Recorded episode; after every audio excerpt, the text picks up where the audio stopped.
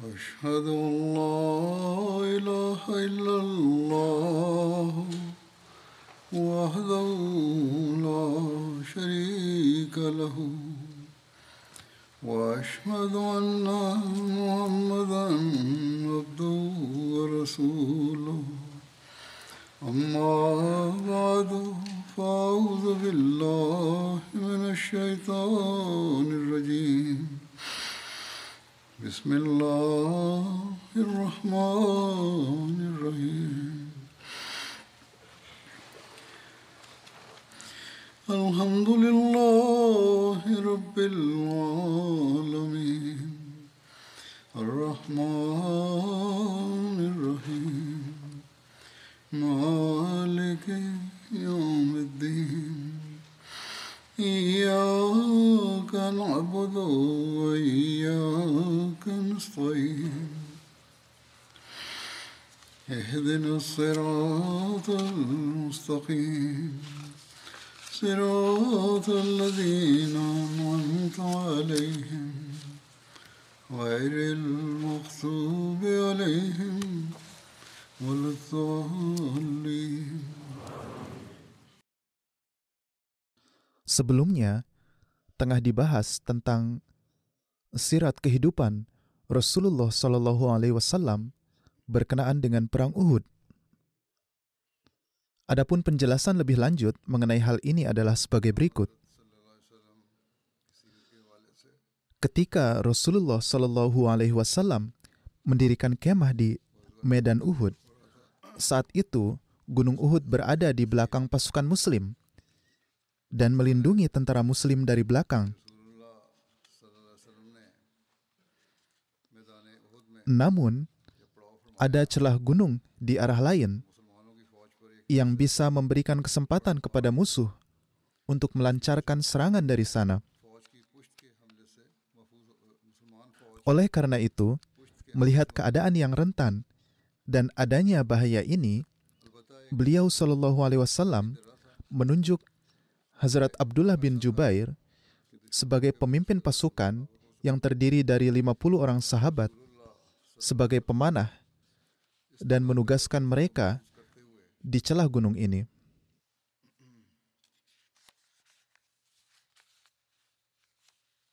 Sehubungan dengan perintah yang diberikan oleh Rasulullah Shallallahu Alaihi Wasallam kepada para pemanah ini, sabda berikut ditemukan dalam Bukhari. In ra'aitumuna takhtafuna at-tayru fala tabrahu makanakum hadha hatta ursila ilaikum. Wa in ra'aitumuna hazamnal qauma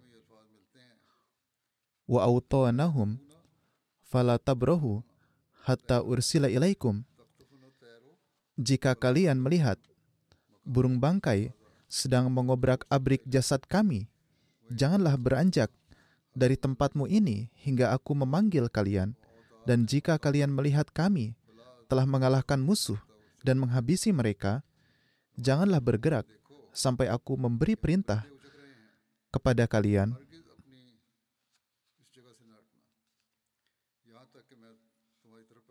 Riwayat Bukhari yang lain menyatakan bahwa Rasulullah Shallallahu Alaihi Wasallam bersabda, "Janganlah tinggalkan tempat ini. Jika kalian melihat kami mengalahkan musuh, jangan tinggalkan tempat ini. Dan jika kalian melihat mereka mengalahkan kami, janganlah membantu kami." Jangan tinggalkan tempat ini dalam keadaan apa pun. Seorang sejarawan menulis bahwa beliau Shallallahu Alaihi Wasallam bersabda, jauhkan pasukan berkuda musuh dari kami, sehingga mereka tidak dapat menyerang kami dari arah belakang. Jika kami menang, tetaplah di tempat kalian, agar mereka tidak menyerang kami dari belakang. Tetaplah berada di tempatmu, dan jangan beranjak dari sana. Dan apabila kalian melihat kami, telah mengalahkan mereka, atau kami telah berada di tengah pasukan mereka, tetap janganlah tinggalkan tempat kalian. Dan jika kalian melihat bahwa kami dibunuh, janganlah membantu kami. Sebaliknya, tembakkanlah anak panah ke arah mereka, sebab kuda tidak dapat maju karena anak panah. Tidak ada keraguan bahwa kita akan tetap menang selama kalian tetap teguh pada posisi kalian. Setelah itu beliau bersabda, Ya Allah, aku menjadikan engkau sebagai saksi atas mereka. Sejarawan lain telah menulis bahwa pada kesempatan ini Rasulullah Shallallahu Alaihi Wasallam bersabda, jika kalian melihat kami mengumpulkan rampasan perang, janganlah bergabung dengan kami. Lindungilah kami dalam segala keadaan. Kemudian ada sejarawan lain dalam menyebutkan 50 pemanah tersebut menulis, Siapa saja yang pernah melihat medan perang dan tahu tempat Jabalur Rumah yang terletak di tepi lembah Kinah akan mengetahui keahlian militer dan strategi Rasulullah SAW yang luar biasa dan tidak ada tandingannya dalam hal perencanaan perang. Keahlian beliau dalam mengatur regu tentara dan persiapan beliau yang luar biasa untuk berperang, yang mana hal-hal ini penting untuk kemenangan. Ketika membahas keahlian Rasulullah Shallallahu Alaihi Wasallam dalam strategi peperangan, ada sejarawan lain yang menulis, strategi pertempuran ini sangatlah luar biasa dan mendalam, yang darinya kita dapat memahami kecemerlangan sesungguhnya dari kepemimpinan Rasulullah Shallallahu Alaihi Wasallam dalam perang. Artinya kita melihat kemampuan beliau yang luar biasa dan menjadi jelas bahwa pimpinan perang mana pun, betapapun cerdasnya dia, tidak dapat merancang strategi pertempuran yang lebih hebat dan bijaksana daripada beliau. Hal ini karena meskipun beliau sendiri ikut di medan perang Uhud melawan musuh-musuh beliau, namun dari sudut pandang kemiliteran, beliau dapat menempatkan tentara di tempat yang paling efektif di medan perang. Beliau Shallallahu Alaihi Wasallam menggunakan gunung-gunung tinggi sebagai perlindungan untuk melindungi sayap belakang dan kanan. Di sayap kiri, bersama para pemanah, beliau menutup satu-satunya jalan pegunungan, yaitu daerah yang bisa dilewati musuh untuk mencapai sayap belakang tentara Muslim.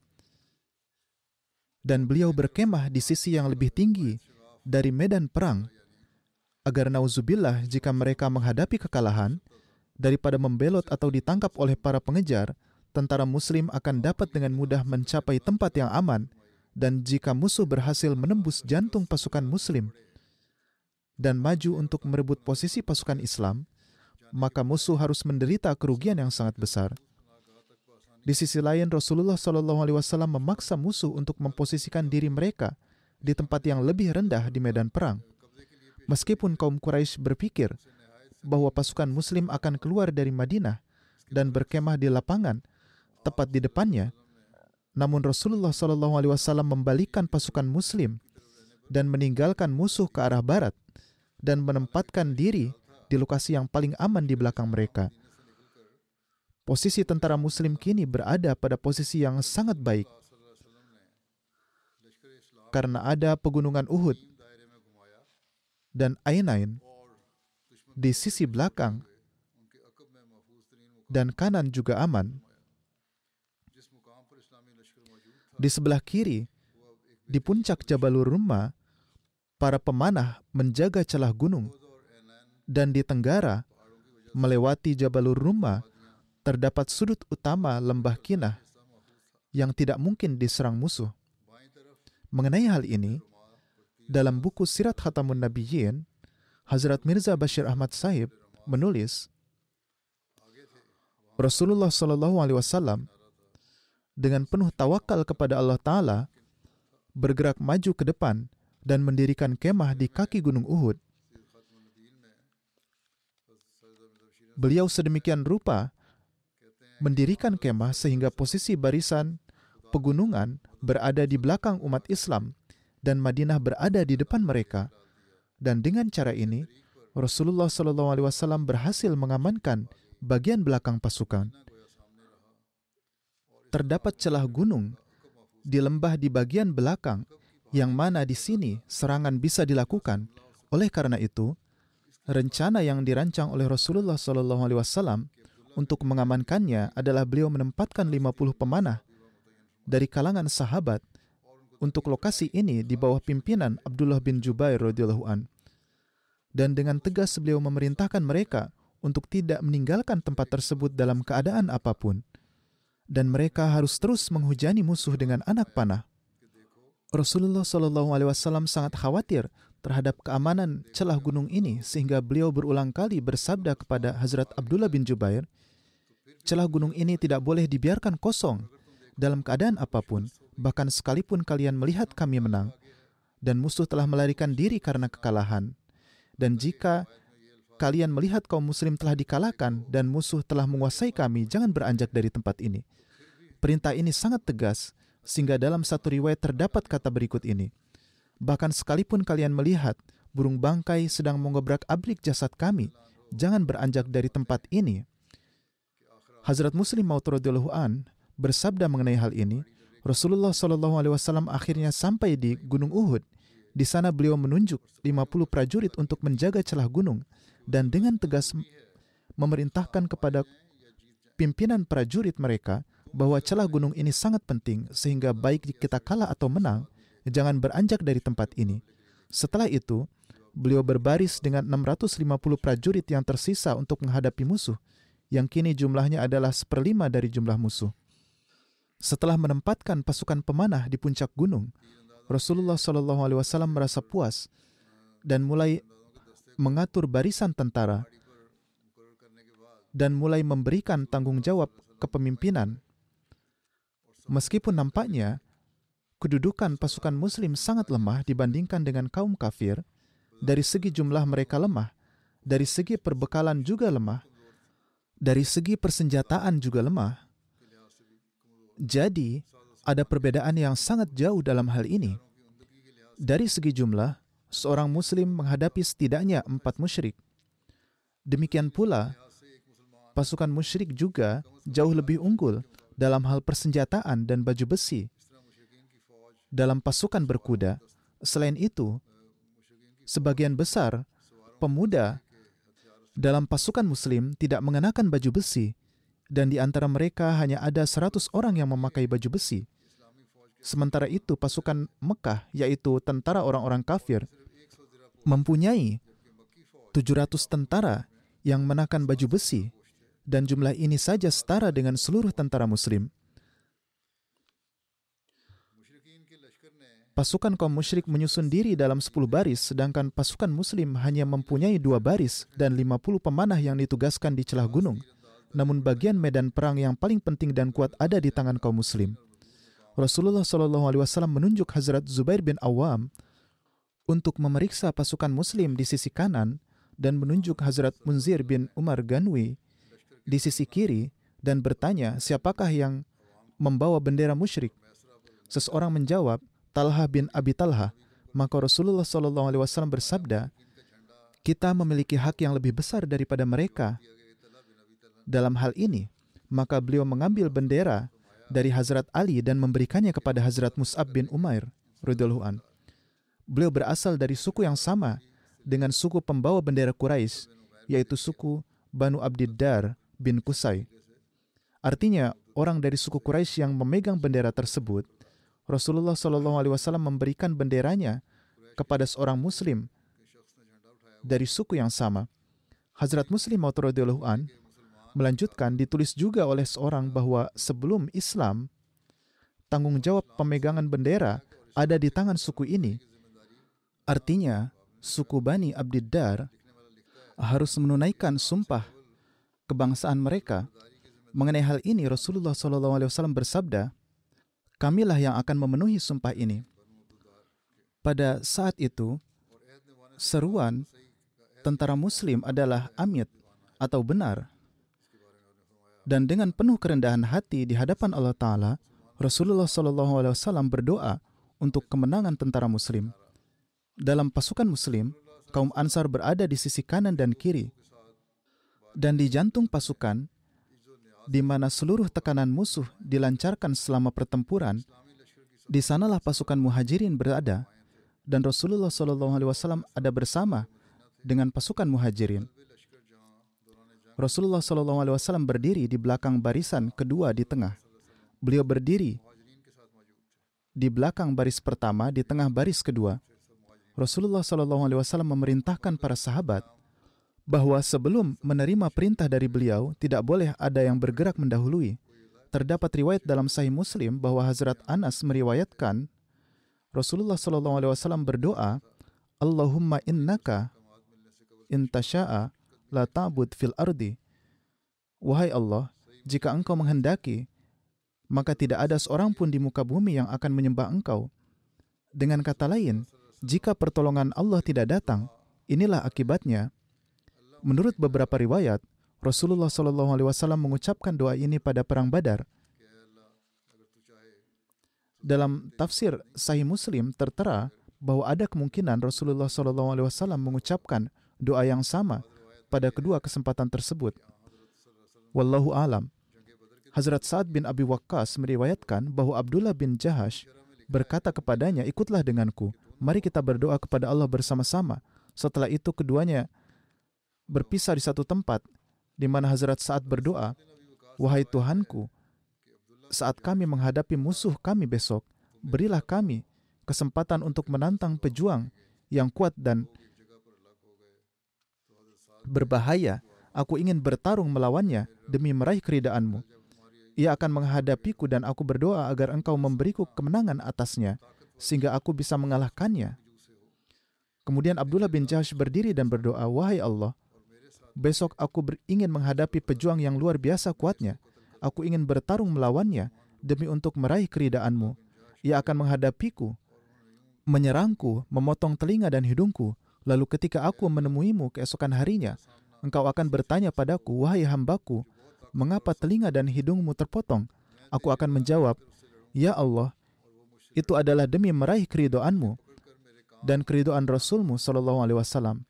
Aku rela menanggung ini. Kemudian Allah menjawab bahwa aku telah mengatakan kebenaran. Hazrat Sa'ad bin Abi Waqqas berkata, Wahai anakku, doa Abdullah bin Jahash lebih utama dari doa saya. Pada sore harinya, aku melihat telinga dan hidung Abdullah bin Jahash yang terpotong. Dengan kata lain, musuh telah memotong-motong tubuhnya. Abdullah bin Amr bin Haram meriwayatkan Suatu hari sebelum perang Uhud, aku melihat Mubashir bin Abdul Munzir dalam mimpiku. Doa kedua orang ini terkabul. Yang satu menang atas musuhnya, dan yang lain bertempur dengan gagah berani, dan pada akhirnya menjadi syahid. Demikianlah kisah doa yang dipanjatkan oleh kedua sahabat tersebut. Diriwayatkan lebih lanjut bahwa Abdullah bin Amr bin Haram meriwayatkan suatu hari sebelum perang Uhud, saya melihat Mubashir bin Abdul Munzir dalam mimpi saya ia adalah syahid dalam perang Badar. Ia berkata kepadaku, dalam beberapa hari lagi kamu juga akan bergabung denganku. Saya bertanya, di mana kamu? Ia menjawab di surga. Saya bisa pergi ke mana saja yang saya suka di surga. Saya bertanya, apakah kamu tidak syahid pada hari Badar? Ia menjawab, ya, namun saya dihidupkan kembali. Hazrat Abdullah bin Amr bin Haram menceritakan mimpi ini kepada Rasulullah Sallallahu Alaihi Wasallam yang mana beliau bersabda, Wahai Abu Jabar, ini adalah kabar gembira akan kesyahidanmu. Jadi menurut riwayat, Hazrat Jabir meriwayatkan bahwa ayahnya syahid dalam perang Uhud.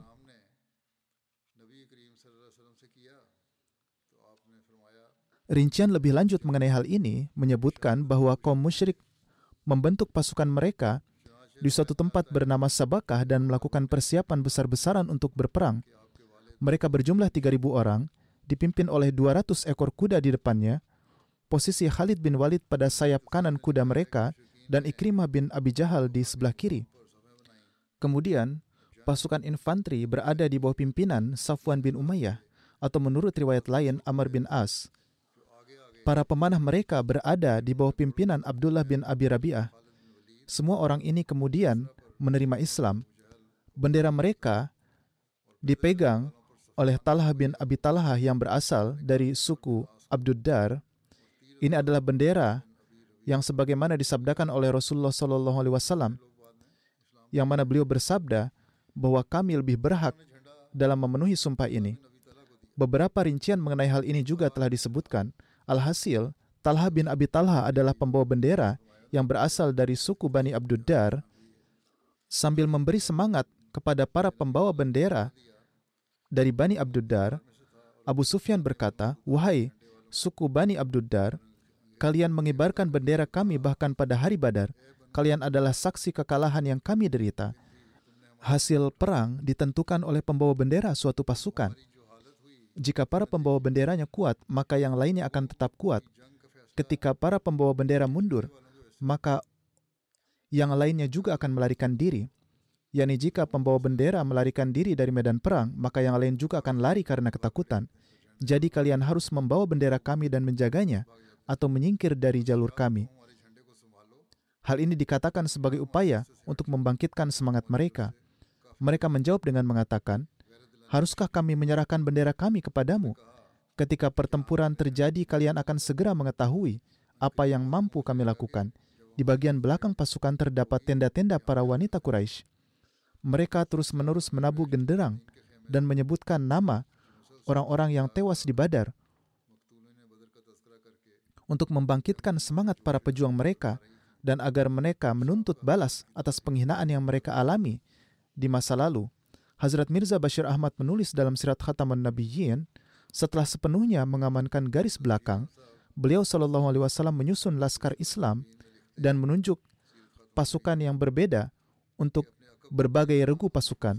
Pada kesempatan ini, beliau Shallallahu Alaihi Wasallam diberitahu bahwa bendera pasukan Quraisy ada di tangan Talha.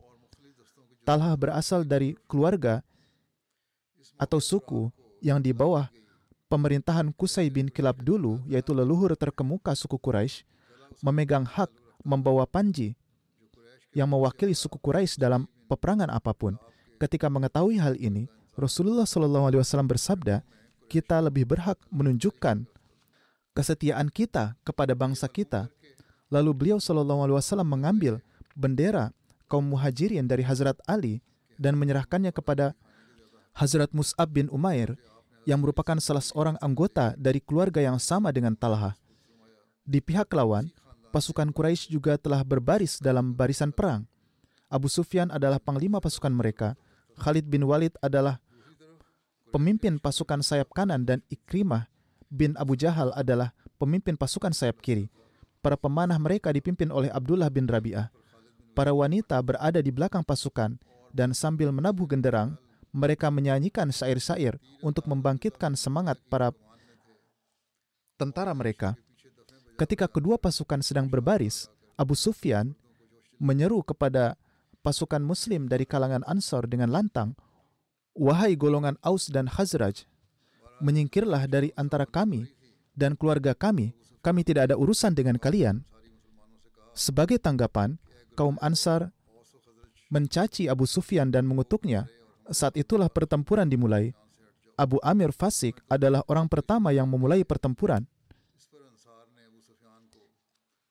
Ia dipanggil dengan nama rahib di masa jahiliyah. Rasulullah Shallallahu Alaihi Wasallam menyebutnya sebagai fasik. Orang ini telah melarikan diri dari Madinah ke Mekah dan berkata kepada orang-orang Quraisy bahwa ketika ia pergi dan bertemu dengan kaumnya, maka seluruh kaum akan bergabung bersamanya.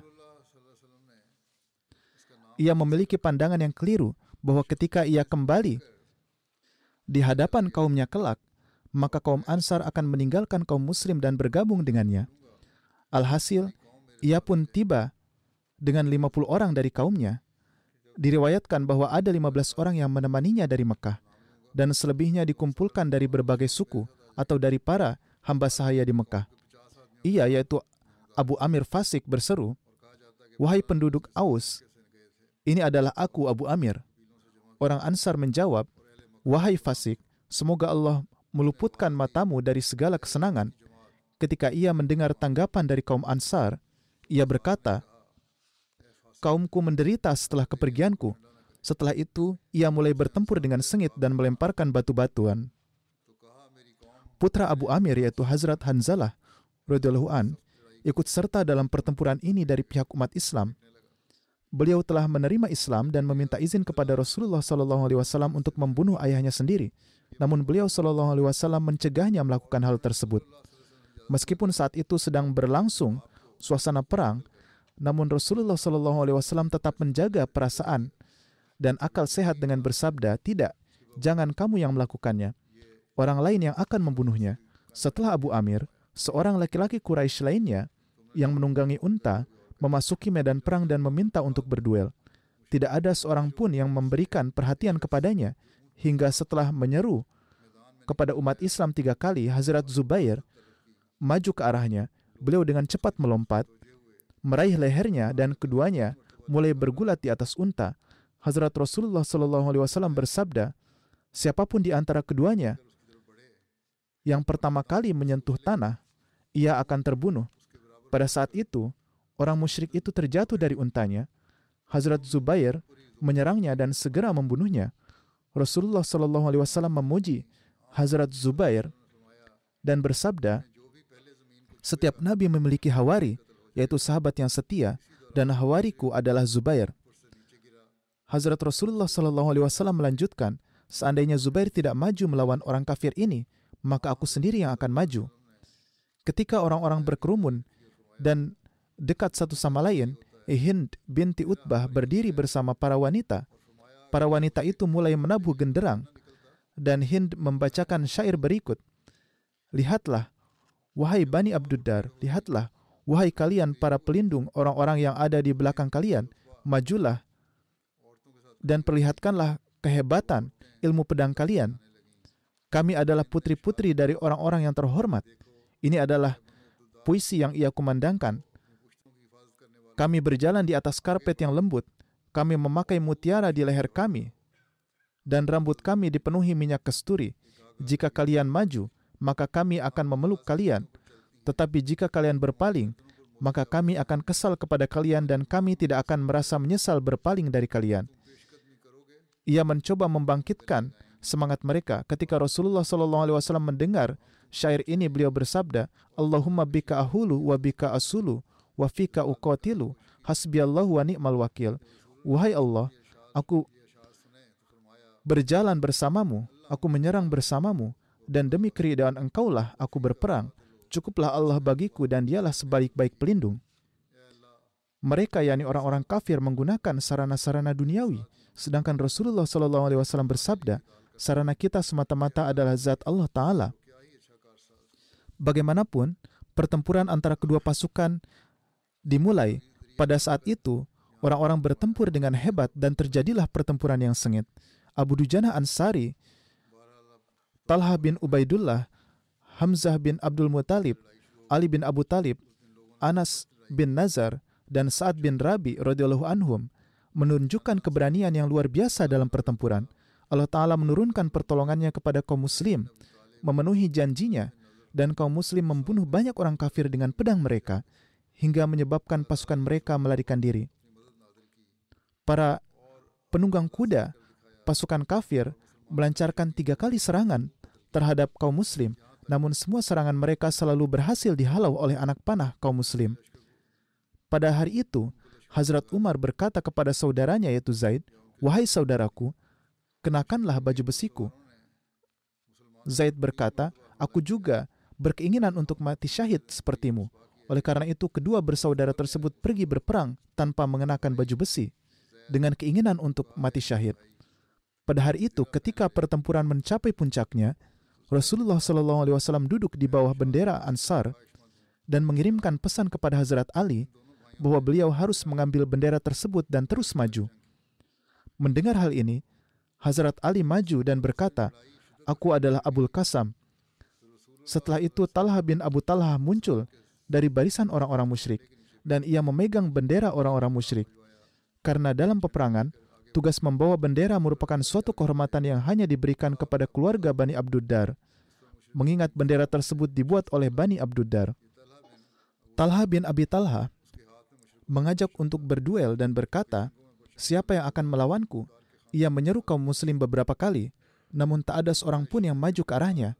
Akhirnya Talha berseru dan berkata, Wahai para sahabat Muhammad Wasallam, kalian mengira bahwa orang-orang kalian yang mati yaitu para syuhada akan masuk surga, sedangkan orang-orang kami yang mati akan masuk neraka.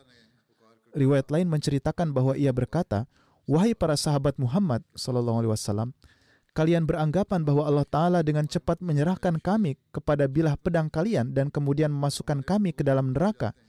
Dan setelah kalian terbunuh dengan pedang kami, ia akan segera memasukkan kalian ke dalam surga. Oleh karena itu, siapa di antara kalian yang akan menggunakan pedangnya untuk segera mengirimku ke neraka atau akan dengan cepat masuk surga dengan perantaraan pedangku ini? Ia berusaha menyulut kemarahan. Ia berkata, Demi Tuhan Lata dan Uzza, kalian adalah pembohong. Jika kalian benar-benar berpegang teguh pada keyakinan kalian, maka pasti akan ada seseorang di antara kalian yang menghadapiku saat ini. Setelah mendengar hal ini, Hazrat Ali berjalan ke hadapannya untuk menghadapinya. Keduanya mulai bertarung dengan pedang mereka, dan Hazrat Ali berhasil membunuhnya. Menurut salah satu riwayat, keduanya bertarung satu sama lain di tengah-tengah kedua pasukan. Hazrat Ali radhiyallahu an segera menyambarnya, merobohkannya, dan menjatuhkannya ke tanah. Bagian tubuhnya menjadi terbuka dan Talha berkata, Wahai saudaraku, demi Tuhan aku mohon ampun kepadamu. Mendengar hal ini, Hazrat Ali kembali dan tidak menyerangnya. Atas hal ini beberapa sahabat bertanya kepada Hazrat Ali, Mengapa Anda tidak membunuhnya? Hazrat Ali menjawab, Pakaiannya terbuka dan ia menghadap kepadaku dan aku menaruh belas kasihan kepadanya, dan aku tahu bahwa Allah Ta'ala telah membinasakannya. Menurut riwayat lain, Rasulullah SAW bertanya kepada Hazrat Ali, mengapa engkau mengampuninya? Hazrat Ali berkata, ia berseru kepada Tuhan dan memohon ampun kepadaku. Beliau SAW bersabda bahwa Hazrat Ali harus membunuhnya, maka Hazrat Ali pun membunuhnya. Terbunuhnya pembawa bendera orang-orang kafir merupakan pemenuhan mimpi Rasulullah Shallallahu Alaihi Wasallam, yaitu beliau Shallallahu Alaihi Wasallam mengendarai seekor domba jantan. Rasulullah Shallallahu Alaihi Wasallam sangat gembira dan menyerukan Allahu Akbar dengan suara yang lantang dan kemudian diikuti oleh segenap pasukan Muslim dan kemudian mereka melancarkan serangan yang begitu dahsyat terhadap orang-orang kafir sehingga barisan mereka pun tercerai-berai para sahabat Rasulullah Shallallahu Alaihi Wasallam berpencar menjadi beberapa kelompok dan mulai membunuh musuh dengan pedang hingga mereka berhasil mengusirnya. Setelah Talha terbunuh, bendera pasukan kafir tersebut diambil alih oleh saudaranya, yaitu Abu Syaibah Utsman bin Abu Talha. Kemudian Hazrat Hamzah menyerangnya dan menebas lengannya dan pedangnya hingga ke kakinya. Setelah membunuhnya, Hazrat Hamzah kembali dan berkata, Aku adalah putra Abdul Muthalib, sang pembawa air untuk para peziarah. Setelah itu, bendera orang-orang musyrik dikibarkan oleh Utsman dan saudara laki-laki Talha yang bernama Abu Said bin Abu Talha. Atas hal itu, Hazrat Sa'ad bin Abi Waqqas meluncurkan sebuah anak panah yang kemudian mengenai dadanya dan ia pun jatuh terbunuh. Kemudian, bendera pasukan Quraisy tersebut diambil oleh Musafih putra Talha dan Abu Talha yang telah dibunuh oleh Hazrat Ali. Setelah itu, Hazrat Asim bin Sabit meluncurkan anak panah ke arahnya dan ia juga terbunuh. Kemudian, saudara laki-laki Musafi yaitu Haras bin Talha mengangkat bendera tersebut dan Hazrat Asim meluncurkan anak panah lainnya sehingga membunuhnya juga.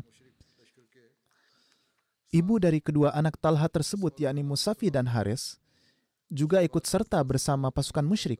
Nama wanita ini adalah Salafah. Ketika anak panah Hazrat Asim mengenai sasaran, anak laki-laki yang terluka oleh anak panah itu kembali ke ibunya dan menyandarkan kepalanya di pangkuannya. Salafah bertanya, siapa yang melukaimu? Anak laki-laki itu menjawab, aku mendengar suara orang itu dan setelah menembakkan anak panah kepadaku, ia berkata, jaga dia, aku putra Abu Aflah. Oleh karena itu ibunya bersumpah, jika aku berhasil memegang kepala Asim bin Sabit, aku akan mengisinya dengan anggur dan meminumnya. Ia mengumumkan, siapa pun yang memenggal kepala Asim bin Sabit dan membawanya kepadaku, aku akan memberikan orang itu seratus ekor unta sebagai hadiah. Namun Hazrat Asim tidaklah syahid dalam perang Uhud, melainkan beliau syahid pada saat pertempuran Raji. Singkatnya, setelah kedua bersaudara tersebut terbunuh, saudara ketiga mereka yaitu Kilab bin Talha mengambil bendera tersebut dan ia dibunuh oleh Hazrat Zubair radhiyallahu an. Menurut salah satu riwayat, ia dibunuh oleh Kuzman. Kemudian saudara mereka Julas bin Talha mengambil bendera tersebut dan ia dibunuh oleh Hazrat Talha bin Ubaidullah. Demikianlah keempat bersaudara, yaitu Musafi, Haras, Kilab, dan Julas dibunuh bersama ayah mereka yaitu Talha. Selanjutnya dua orang paman mereka, Usman dan Abu Said juga ikut terbunuh pada perang Uhud. Setelah itu bendera Quraisy diambil oleh Urtah bin Syurahbil, namun ia dibunuh oleh Hazrat Ali. Sedangkan menurut salah satu riwayat ia dibunuh oleh Hazrat Hamzah. Selanjutnya, Shuraih bin Kariz mengambil bendera tersebut dan ia pun dibunuh. Namun tidak diketahui oleh siapa ia dibunuh. Setelah itu bendera tersebut diambil oleh Abu Zaid bin Amr, tapi ia dibunuh oleh Kuzman. Setelah itu, putra Surahbil bin Hashim mengambil bendera tersebut tetapi dibunuh oleh Kuzman. Setelahnya budak mereka yaitu Suab mengambil bendera. Ia berasal dari Afrika dan ia berjuang sampai tangannya terpotong. Ia segera duduk dan memegang bendera menggunakan dada dan lehernya hingga ia juga dibunuh oleh Kuzman. Dalam salah satu riwayat dikatakan bahwa ia dibunuh oleh Hazrat Sa'ad bin Abi Waqqas. Sedangkan dalam riwayat lain, ia dibunuh oleh Hazrat Ali. Ketika semua pembawa bendera dibunuh, pasukan musyrik berbalik dan melarikan diri, sementara para wanita mereka mulai mengutuk mereka. Semua pembawa bendera itu terbunuh sesuai dengan mimpi yang dilihat oleh Rasulullah SAW bahwa para pembawa bendera akan terbunuh. Pasukan Muslim mengejar mereka dan terus membunuh mereka hingga mereka terpisah dari pasukan lainnya para wanita yang datang bersama pasukan Quraisy pun ikut melarikan diri. Setelah itu, tidak ada lagi keraguan mengenai kekalahan kaum Quraisy. Kaum Muslim memasuki jantung pasukan musyrik dan mulai mengumpulkan harta rampasan perang. Hazrat Mirza Bashir Ahmad menulis, yang pertama maju dari pasukan Quraisy adalah Abu Amir dan para pengikutnya. Ia berasal dari suku Aus dan dulunya adalah penduduk Madinah. Ia dikenal dengan nama Rahib. Tak lama setelah kedatangan Rasulullah SAW ke Madinah, orang ini menjadi penuh kebencian dan kecemburuan dan berangkat ke Mekah dengan beberapa pendukungnya. Ia terus-menerus menghasut kaum Quraisy Mekah untuk melawan Hazrat Rasulullah SAW dan kaum muslimin. Kini dalam perang Uhud, ia maju berperang melawan kaum muslim sebagai pendukung kaum Quraisy. Sungguh menakjubkan bahwa Hanzalah, yaitu putra Abu Amir adalah seorang muslim yang sangat mukhlis, yang merupakan bagian dari pasukan muslim pada saat perang ini dan beliau syahid setelah bertempur dengan gagah berani.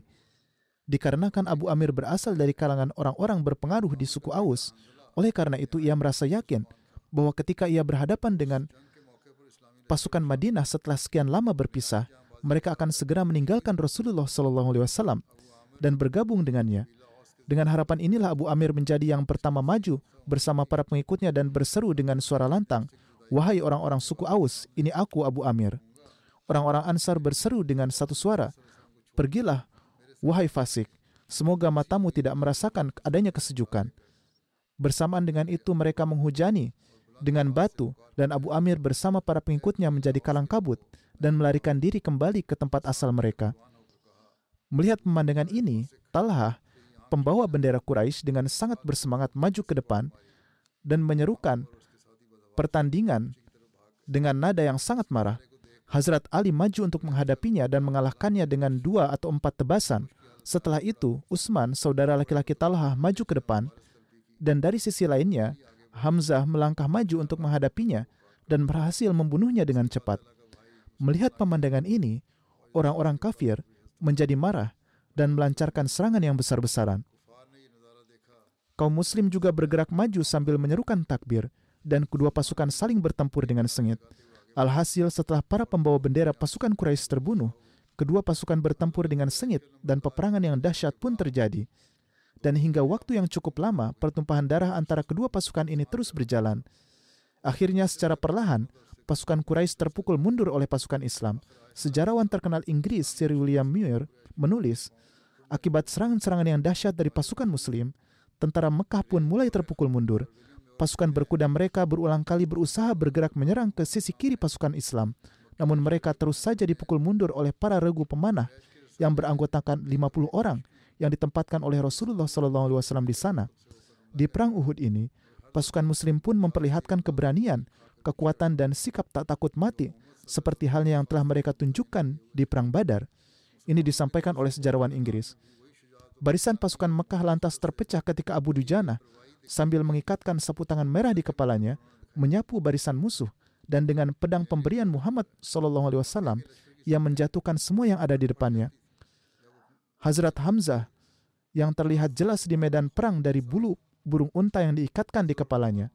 Hazrat Ali yang tampak jelas dengan bulu putih panjang yang ia ikatkan. Dan Hazrat Zubair dengan sorban kuning yang bersinar. Mereka di mana pun berada dengan penuh keberanian menebarkan ketakutan pada lawan seperti halnya pahlawan dalam Iliad. Iliad yang dimaksud oleh Sir William Muir adalah seorang pahlawan di medan perang yang dikisahkan dalam legenda Yunani. Bagaimanapun, Sir William Muir menulis, dari sinilah para pemimpin besar dalam penaklukan muslim di masa yang akan datang mendapatkan tempaan. Jadi pertempuran yang sengit dan sangat dahsyat pun terjadi dan untuk waktu yang lama tidak diketahui secara pasti siapa yang lebih unggul. Akhirnya dengan karunia Allah Ta'ala, pasukan Quraisy dapat dipukul mundur dan barisan mereka terpecah. Para pembawa bendera Quraisy terbunuh satu demi satu. Sembilan dari mereka mengangkat bendera perang mereka, tetapi masing-masing dari mereka dibunuh oleh prajurit muslim, yang rinciannya telah disebutkan sebelumnya. Terakhir, hamba sahaya dari Talha pemimpin Quraisy yang berasal dari Habsyah atau Ethiopia yang bernama Suab melangkah maju dan mengangkat bendera tersebut dengan berani.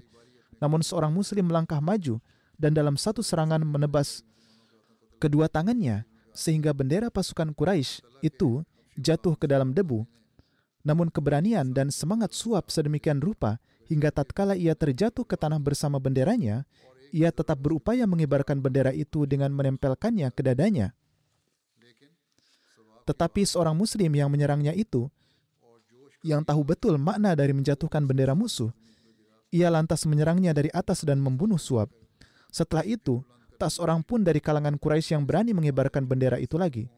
Di saat yang sama atas perintah Rasulullah SAW, kaum muslim mengumandangkan takbir dan melancarkan serangan dahsyat yang mengacaukan sisa pasukan musuh dan memotong barisan mereka mencapai bagian di mana para wanita berada pasukan Mekah tercerai berai dan tak lama kemudian medan pertempuran pun menjadi kosong hingga akhirnya kaum muslim merasa cukup tenang dan mereka lantas sibuk mengumpulkan harta ganimah perang. Hazrat Muslim Maud radhiyallahu an menerangkan pertempuran pun dimulai dan dengan bantuan dan pertolongan Allah taala pasukan muslim yang hanya berjumlah 650 orang menyebabkan pasukan Mekah yang berpengalaman yang berjumlah 3.000 orang melarikan diri dalam waktu yang sangat singkat. Tentara Muslim mengejar mereka, dan mereka yang ditempatkan di gunung untuk melindungi bagian belakang tentara mengatakan kepada pemimpin mereka bahwa karena musuh telah dikalahkan, maka mereka juga harus diizinkan untuk ikut mengambil hasil dari jihad.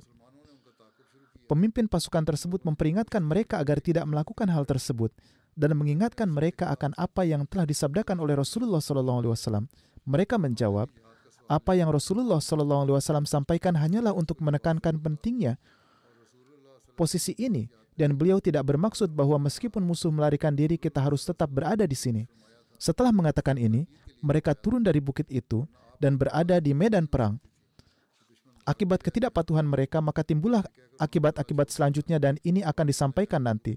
Sehubungan dengan pedang Abu Dujana, radhiyallahu an sebagaimana disebutkan oleh William Muir, rinciannya adalah mengenai sahabat yang membawa pedang Rasulullah wasallam dan memenuhi tanggung jawabnya. Hazrat Anas radhiyallahu an meriwayatkan, di hari Uhud, Rasulullah wasallam memegang sebilah pedang dan berseru, "Man ya'khuzu minni haza?" Siapa yang mau mengambil pedang ini? Semua mengulurkan tangan dan menyatakan kesediaannya. Beliau kembali bertanya, "Wa man ya'khuzhu bihaqqihi?" Siapa yang bersedia mengambilnya dengan penuh kebenaran. Hazrat Anas radhiyallahu an meriwayatkan, maka setelah hal ini semua sahabat terdiam, namun Hazrat Simak bin Harsha Abu Dujana radhiyallahu an berkata, saya akan mengambilnya dan menggunakannya dengan penuh kebenaran. Hazrat Anas radhiyallahu an menuturkan, setelah itu beliau memegang pedang dan menghabisi kepala orang-orang musyrik dan dengan demikian beliau telah menggunakannya dengan penuh kebenaran. Ini adalah riwayat dari Sahih Muslim. Ibnu Utbah meriwayatkan ketika Rasulullah SAW menunjukkan pedang, Hazrat Umar menyatakan kesediaannya untuk mengambilnya. Namun Rasulullah SAW menahan untuk memberikannya.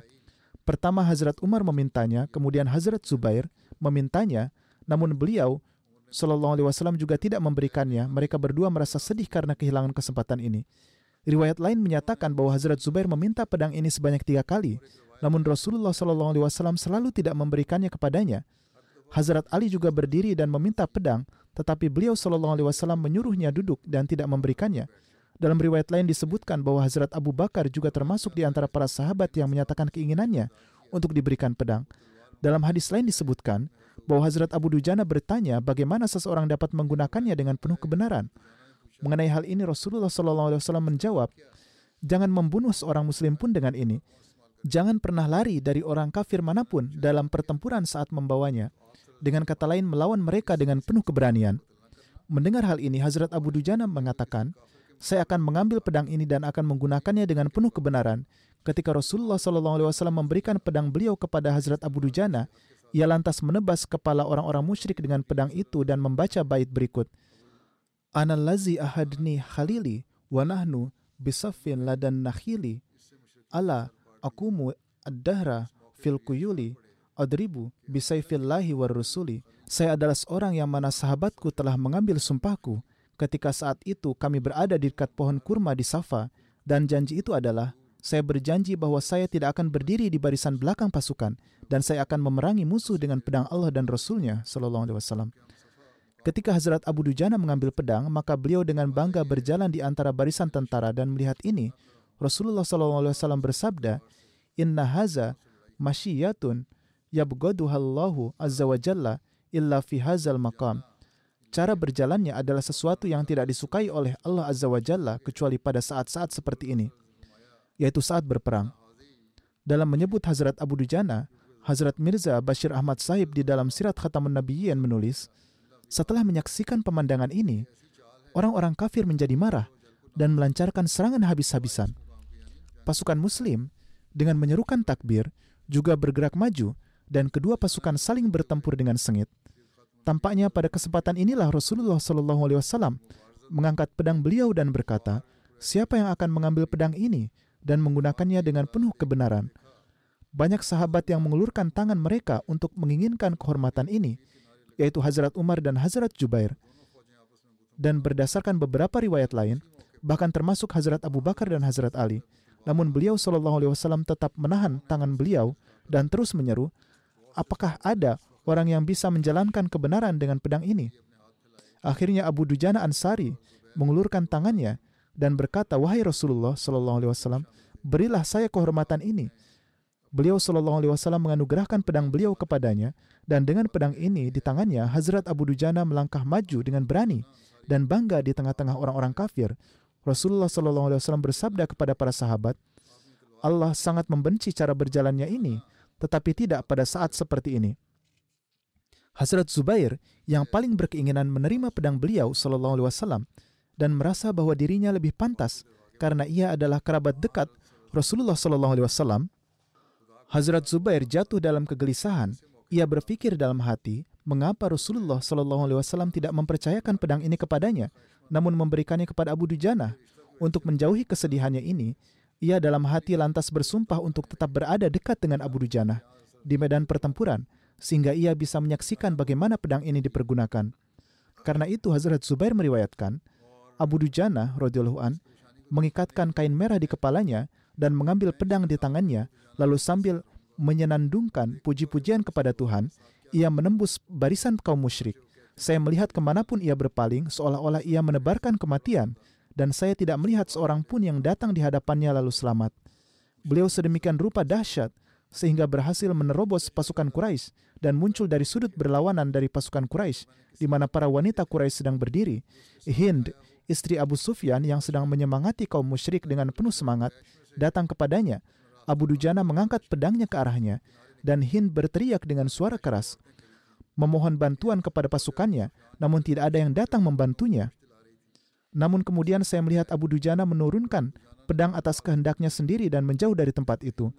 Hazrat Zubair meriwayatkan, pada kesempatan ini saya bertanya kepada Abu Dujana, apa yang terjadi? Pertama, kamu mengangkat pedangmu tapi kemudian menurunkannya. Beliau menjawab, hati saya tidak dapat menerima bahwa saya harus menggunakan pedang Rasulullah Wasallam terhadap seorang wanita dan wanita itu pada saat itu tidak dilindungi oleh seorang pun tentara laki-laki. Jadi inilah asas peperangan dalam Islam. Hazrat Zubair menuturkan, saat itulah saya memahami bagaimana Hazrat Abu Dujana telah benar-benar menggunakan pedang Rasulullah Wasallam dengan penuh tanggung jawab. Hazrat Muslim Maud radhiyallahu an juga menyebutkan kejadian ini, yakni tatkala seorang sahabat mengangkat pedang terhadap seorang wanita, tetapi kemudian tidak membunuhnya, Hazrat Muslim Maud bersabda, Ketika ditanya pertanyaan ini, Hazrat Abu Dujana menjawab,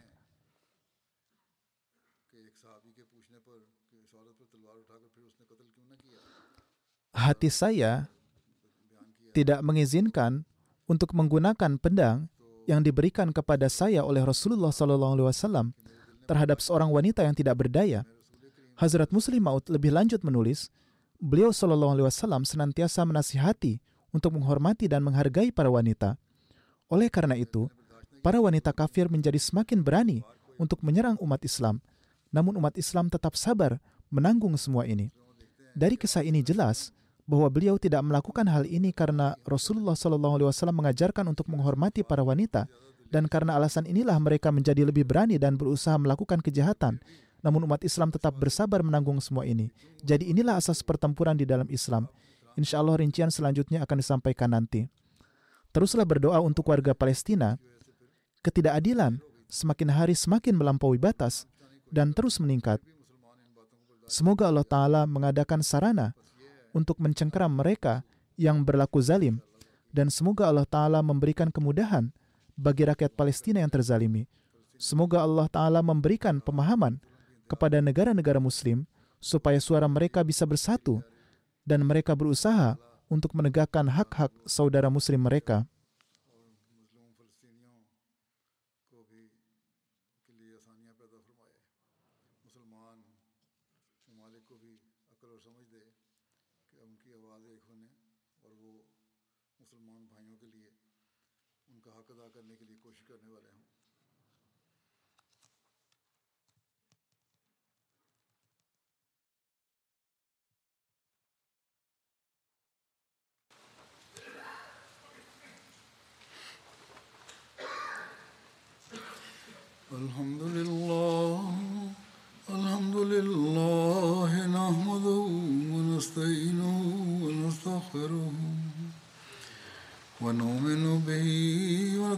ونتوكل عليه. ونعوذ بالله من شرور أنفسنا ومن سيئات أعمالنا. من يهده الله فلا مضل له ومن يضلل فلا هادي له. ونشهد أن